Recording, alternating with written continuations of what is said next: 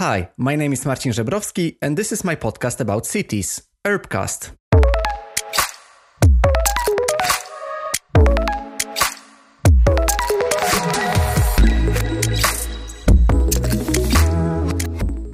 Hi, and welcome to the newest episode of Urbcast, my podcast about cities, architecture, and urbanism. And today I would like to talk about very interesting and also important thing as well, if you are a fan of architecture and design and traveling as well. Because today I would like to focus on Copenhagen and talk about 10 things that it's extremely worth to see from my perspective if you are an architect or an urban planner, designer, and you would like to see something more than they show in the guidebooks. And of course, Copenhagen is not only bikes, it's not only Nyhavn, so this picturesque harbor with the old colorful houses. It's actually many, many more. Copenhagen is uh, developing a lot and it has many, many new cool places. And I think that it's nice to know about those places that I'm gonna talk about in this episode. So I hope that you're gonna like them. And I hope that also some of them will be a surprise for you. So let's start this new episode of the podcast.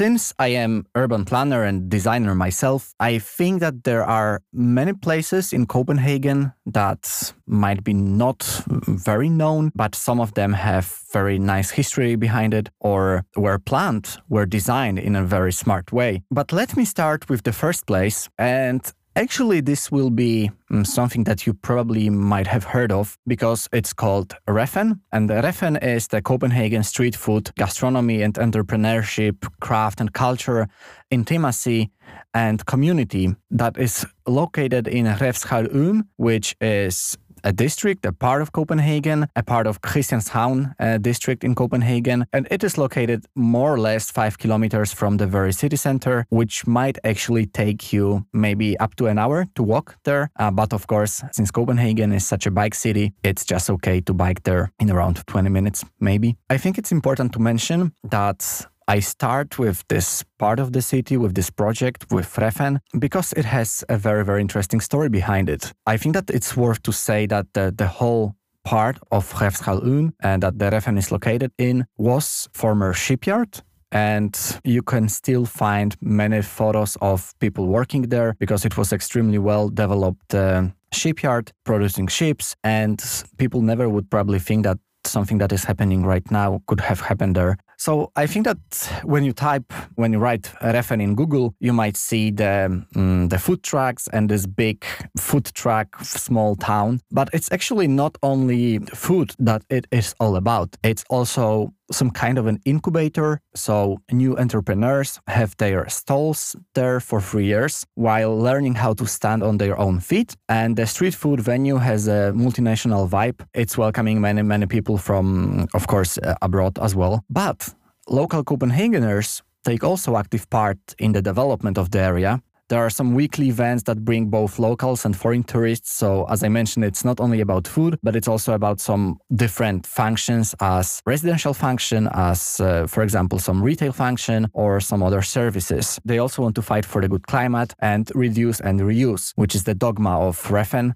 So the whole Copenhagen street food is built out of many old materials, reused materials, recycled materials. So all the food stalls, they are actually old ship containers. And it gives this amazing character if you go there and see all those colorful containers stacked next to each other or on the top of each other. But apart from the apart from Reffen itself, there are also other interesting projects. One of them is Contemporary Copenhagen, which is also an art museum, which is located in one of the old industrial buildings. And we can also find some big architects projects in there, which might be, for example, Urban Rigger, which is very famous container housing, but also Amager Bakke, which is a combined heat and power waste to energy plant, and also sports facility. It has a ski slope on the top and also a trail, so you can easily walk there. Why do I recommend uh, Reffen as as a place to visit? I think it's mostly because it's very mixed and attractive place to be, uh, due to its industrial history, the shipyard, and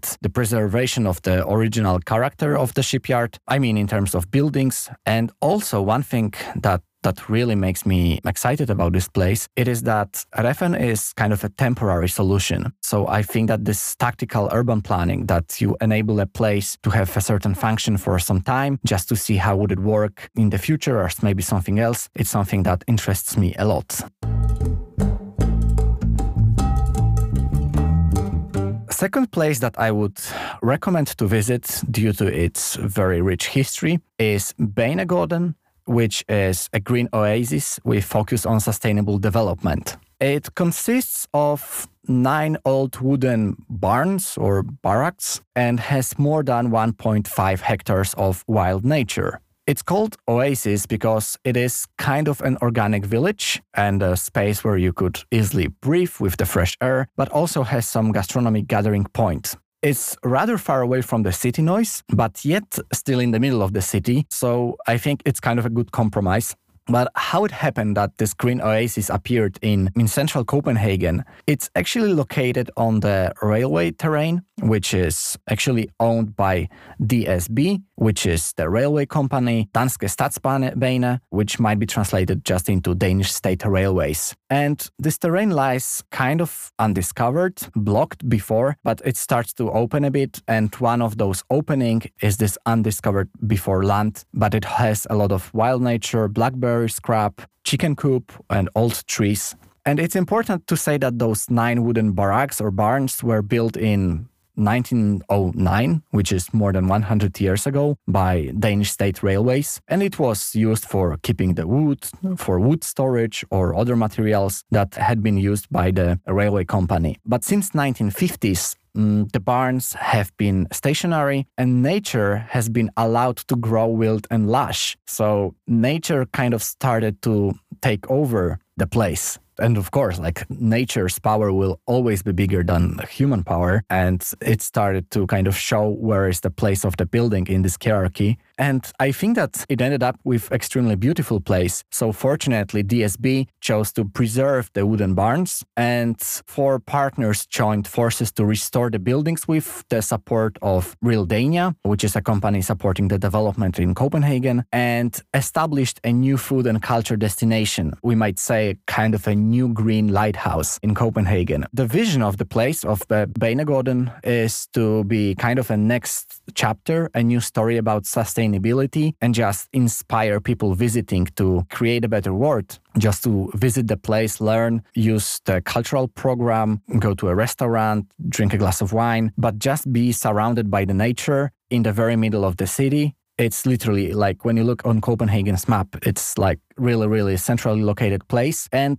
I think that this is very important thing to to mention and to say about because it's very often in many cities that the railway terrain is occupying the central part of, of a city. And I think it's up to the owners of the land. Often it's the, the municipality. Sometimes this is the railway company that might do something with the terrain, which is not used as much as it used before during the industrial revolution times and later as well. So to me, Is a place that is still kind of undiscovered. I think that there are there might be still many people not knowing about this place. So I also recommend it because it might be a good place to visit before it gets overhyped and becomes very very popular place that it's hard to have uh, some calm nature around and this is actually uh, a difference between Reffen and Banegård that the second one has a lot of nature around it. So it feels way, way more intimate when you go there. Why do I talk about it? I think it's because I really like these post industrial areas in the cities and I see uh, huge potential in them. And this one seems to be at the very early stage of its development. And I'm very interested about the future. The third place I would like to really encourage you to visit if you are an architect and or urban planner or designer, but of course not only. It's Nordhavn, which is directly translated into the North Harbor. This is a harbor area at the coast of the Øresund, founded at the end of 19th century in Copenhagen, which is kind of old, and it covers the area of around 2 square kilometers. Today, still, many of Copenhagen Harbor's traditional activities are situated in Nordhavn, including ferries and container terminal, marina, and industrial companies. But the city agency, BO mm, so translated into Sea and Harbor, has started almost 700 million Danish kroners expansion of Nordhavn into the Øresund. Actually, we might talk a bit about the sustainability because it might be kind of interesting that the project is the largest construction job in Denmark in 2013 and the largest consumer of steel in Northern Europe. It's because 28,000 tons of steel is used for pile driving the sheet piles of the perimeter, and the area is being filled with over 7 million tons of clean earth and 11 million tons of polluted earth from the City Circle Line metro construction. I think it's just the scale of the project is wow. It's it's one of the biggest developments in Denmark right now, and it has this aim of being a new city district that would have around 40,000 residents and also 40,000 jobs. One interesting part is that in 2013, the United Nations campus, the UN city, opened at the eastern part of, of this area and it hosts most of the UN activities in Copenhagen. Now you can basically live there at the part of Nordhavn as big chunk of it is already developed and it is inhabited. So I can just say that it grew it grew a lot. It grew over 10 times in terms of the, the residents. From 2016 to 2020, the increase of residents was from 230 to 2,800. One of my favorite parts of Nordhavn is Konditaget Lüders, which is, I hope I pronounce it correctly, is a multifunctional parking by JAJA Architects. And according to the statistics, over 11% of Copenhageners have visited the Konditaget Lüders. But yeah, it's a parking house, so why would so many people visit it? And I think that the most important thing is that it is a role model for how the parking houses should be made nowadays. It is mostly because it is a structure of five or six floors, which is completely covered. The, the facade is made in a way that it covers the cars, so it's hard to say that this is a parking. But what is even more important is that the whole roof of that parking structure is a playground. So it is a very attractive place for the tourists, for the residents just to go. You can also use the stairs to climb up to the roof. It's kind of high. But yeah, I think this is an extremely important thing and extremely good example of how can you enable a parking structure being something else or something more than just a simple box for, for cars. Why do I talk about it? I think it's mostly because it gives a, a glimpse on how future districts of Copenhagen can look like. And yeah, I think it's also interesting project to see how the, the old harbor might be developed into something completely new. And it is kind of a famous tendency in, in cities development in general that the old harbors are being developed into something new, into new districts, uh, attracting new residents, new companies. It happens a lot in Scandinavia. It happens, for example, a lot in, in Norway, where many, many harbors, many old industrial waterfronts are being turned into something very attractive nowadays. I remember being a part of a Bergen project back at Henning Larsen Architects, and we proposed completely new development for the Bergen waterfront because it is this kind of tendency in urban planning that you really strive for the new quality in the old parts, central parts often in the cities. fourth place, I think it might be the most popular one from my list, is Christiania. Christiania is a Freetown Christiania, also known as a place that hosts a big international community and is a commune of about 1,000 residents. It's interesting because it recently had its 50th birthday and I saw a parade on the street and I was wondering what is it?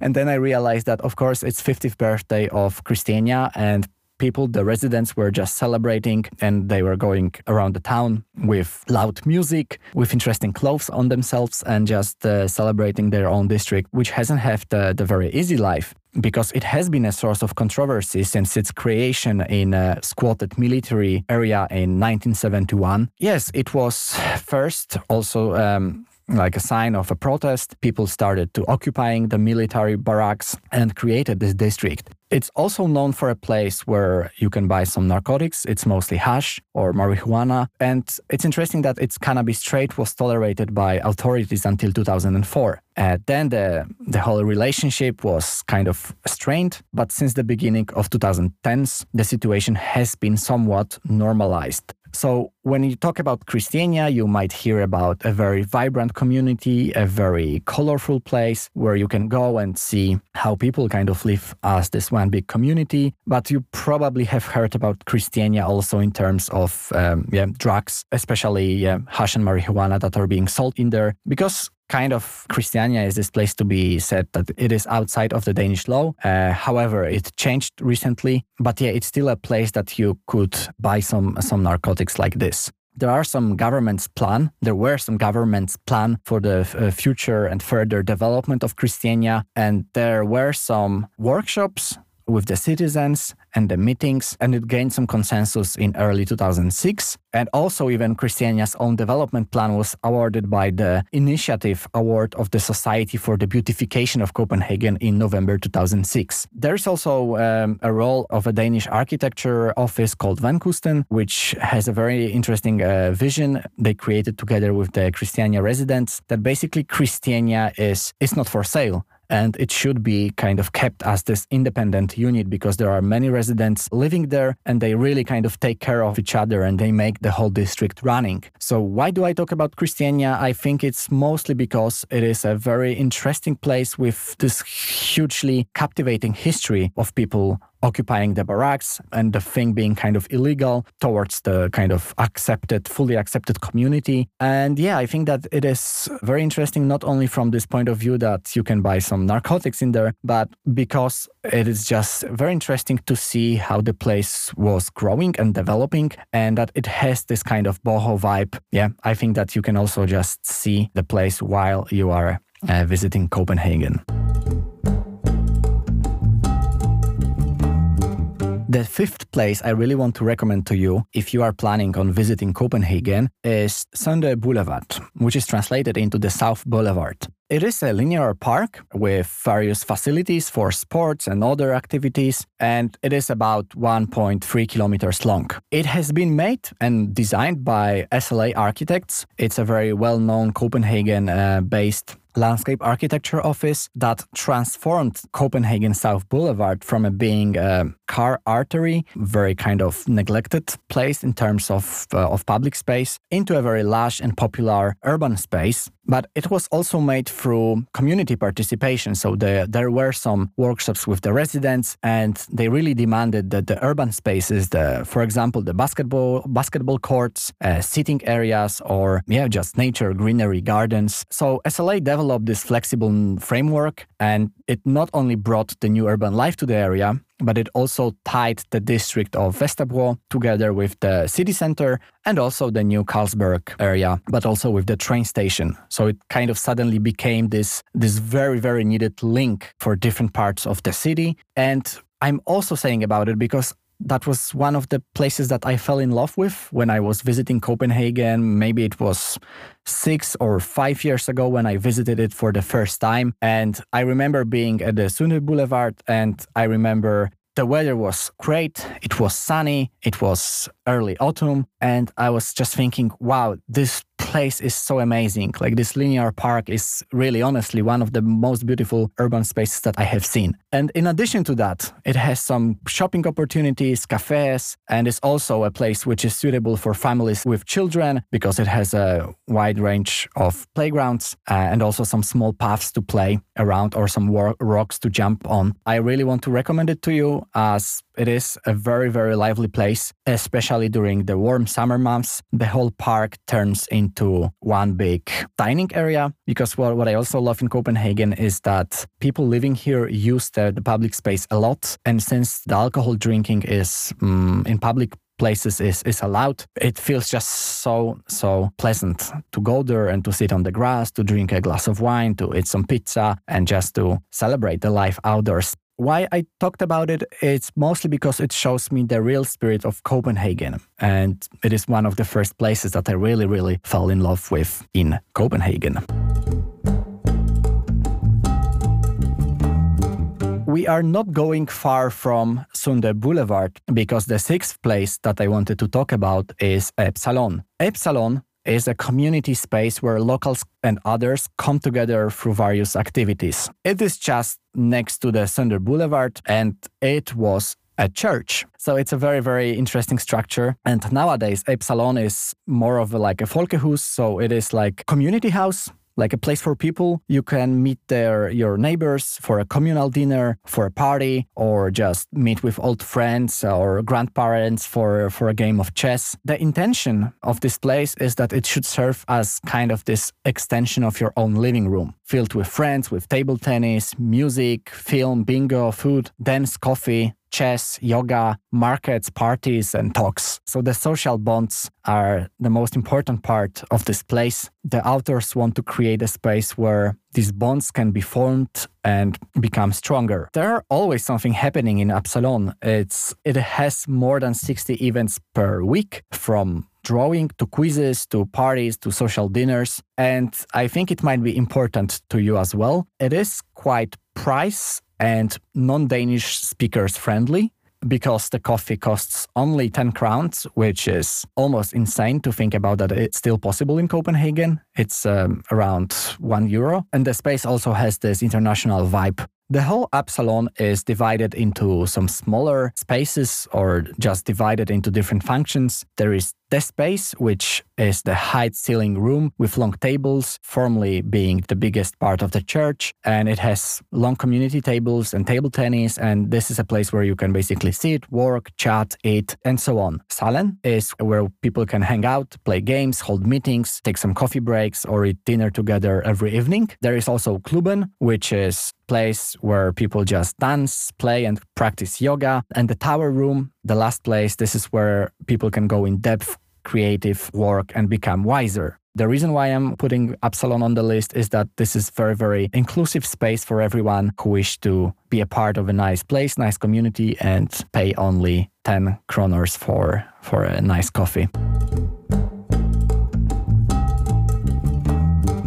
Another place or a district that I would like to talk about is the Meatpacking District. It is a centrally located area in Copenhagen, which for more than 100 years was home to dozens of butcheries, providing the meat for both the island and for the export. But of course, nowadays, I feel that the, the meat, the, the butcheries, are being pushed out from the city center. And due to the rapid development of the city and also the naturally diminishing butchery industry, the Meatpacking District site in Copenhagen became extremely extremely attractive in terms of location and possibilities, of course. But again, I'm talking about Meatpacking District not because it is a very cool place to go to have a beer or a fancy dinner. It's because it has a strategy behind it, which is called Meat and Creativity, which basically means that the place shouldn't lose its original character, so that the butcheries and the industry, it shouldn't be just wiped away from the place and replaced by gentrification.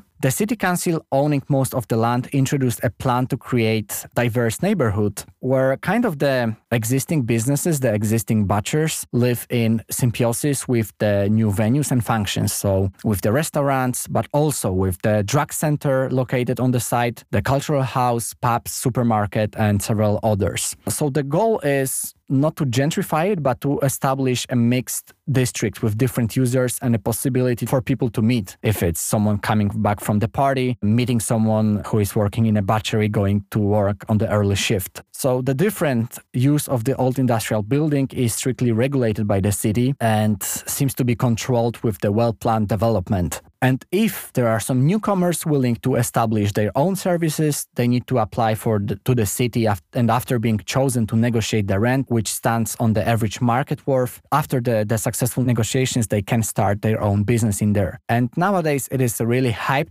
district, a really hyped place. It's full of life, especially during the warm summer months, as most things in Copenhagen. And it seems like the flow of youngster and millennials going for a nice coffee, it's almost endless. I'm also saying about this because it has a very, very interesting background of this whole process of the transformation.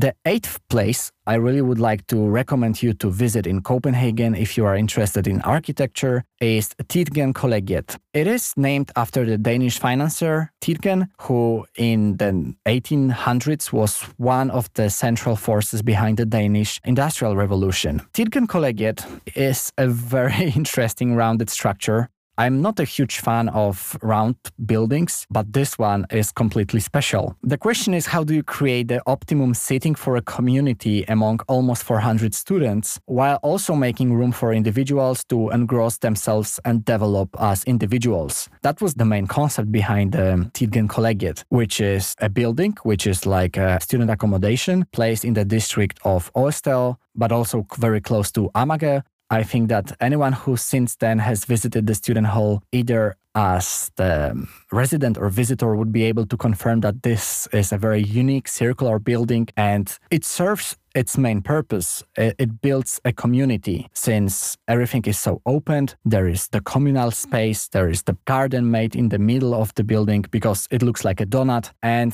yeah, I think it's it's worth to also mention it's not very big. It rather keeps this Copenhagen height of buildings. It has around seven stories and and it's also very, very lively on the ground floor. It has common facilities, a cafe, an auditorium, computer rooms, workshops, laundry, some music room, and also meeting rooms and bicycle parking, but also, for example, a, a gym. So the common life is being achieved by the common kitchens, by the lounges and the terraces that are located in the building, but also the central court which serves as not only a park, a garden, but also for people to gather. And there are some concerts as well. And I think that once you enter this courtyard, you really feel this sense of belonging and a group of people living together. Maybe one more important thing to mention is that the rooms are from 26 square meters to 42 square meters, which is very generous for a student, I would say. I just talk about this building because it's one of the most attractive student accommodation that I have seen, both appear experience wise, but also by the functionality and the community spirit. Another place that I really, really would like to recommend is Amager Strand or Amager Strand Park, which is the Amager Beach Park, and it is a seaside public park in Copenhagen, located on the island of Amager, and includes an artificial island and offers a total of almost five kilometers of beaches. The park was founded in 1934, but what happened in 2005 is that a two kilometers long artificial island was added. And this new island is separated from the original beach by a lagoon and it can be reached with uh, three bridges. The beach has two sections. The northern section has a more natural environment, a natural beach with winding paths and broad sandy beaches and low dunes. And the southern section of the beach is more of a city beach and it has a broad promenade and areas for playing basketball or uh, skateboarding or picnic. It is a very attractive place for activity. There are often people swimming in the water, in the sea, but there are also kayakers or just people going for a run in this very nice sandy character. The paths are um, made also of the of the concrete, and it is a very popular spot for skateboarders. Why I talk about it is I think it's because one of the most interesting projects of artificial beach that I know, and of course it might be also questioned if it is sustainable to build a, an artificial beach. But I think that the project is very very interesting, and I would also recommend it to um, you to to see it, and also to look on the development on the Google Maps, for example, to see how the, the artificial stretch was being added and how it changed through the, the decades.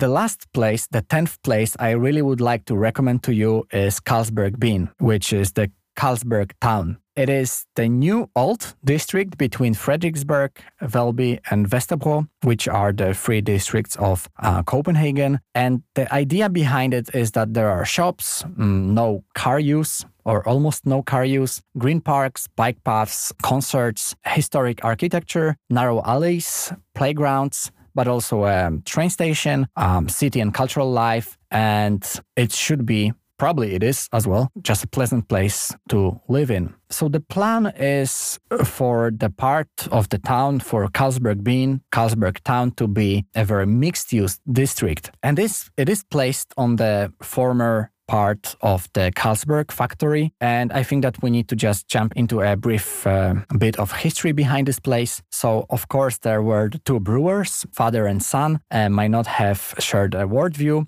but they shared a love for, for Copenhagen and they never neglected to give back to the city they loved. So Mr. Jacobsen gave the respect for the good construction, the curiosity for science, and the openness to culture in the city. And the foundation of the Carlsberg Bean is to give back to Copenhagen and of course the, the city itself. And of course, city of Copenhagen owes a lot to the Carlsberg Brewery and to the founder because of course there was a lot of investment going. There is also the Carlsberg Glyptotek, a very very interesting museum founded by by this family. And in general, Copenhagen was was very lucky to have Carlsberg, I would say. And Carlsberg City is not only a project of of buildings or just a place. It's very emphasized. If you look at the website of the place, it is really emphasized that it should be a very very mixed use area. Over the next 15 to 20 years, Carlsberg Byen will be urbanized and also rebuilt based on the plan of the Danish architectural firm Entasis. Um, and the plan even won the Best Master Plan Award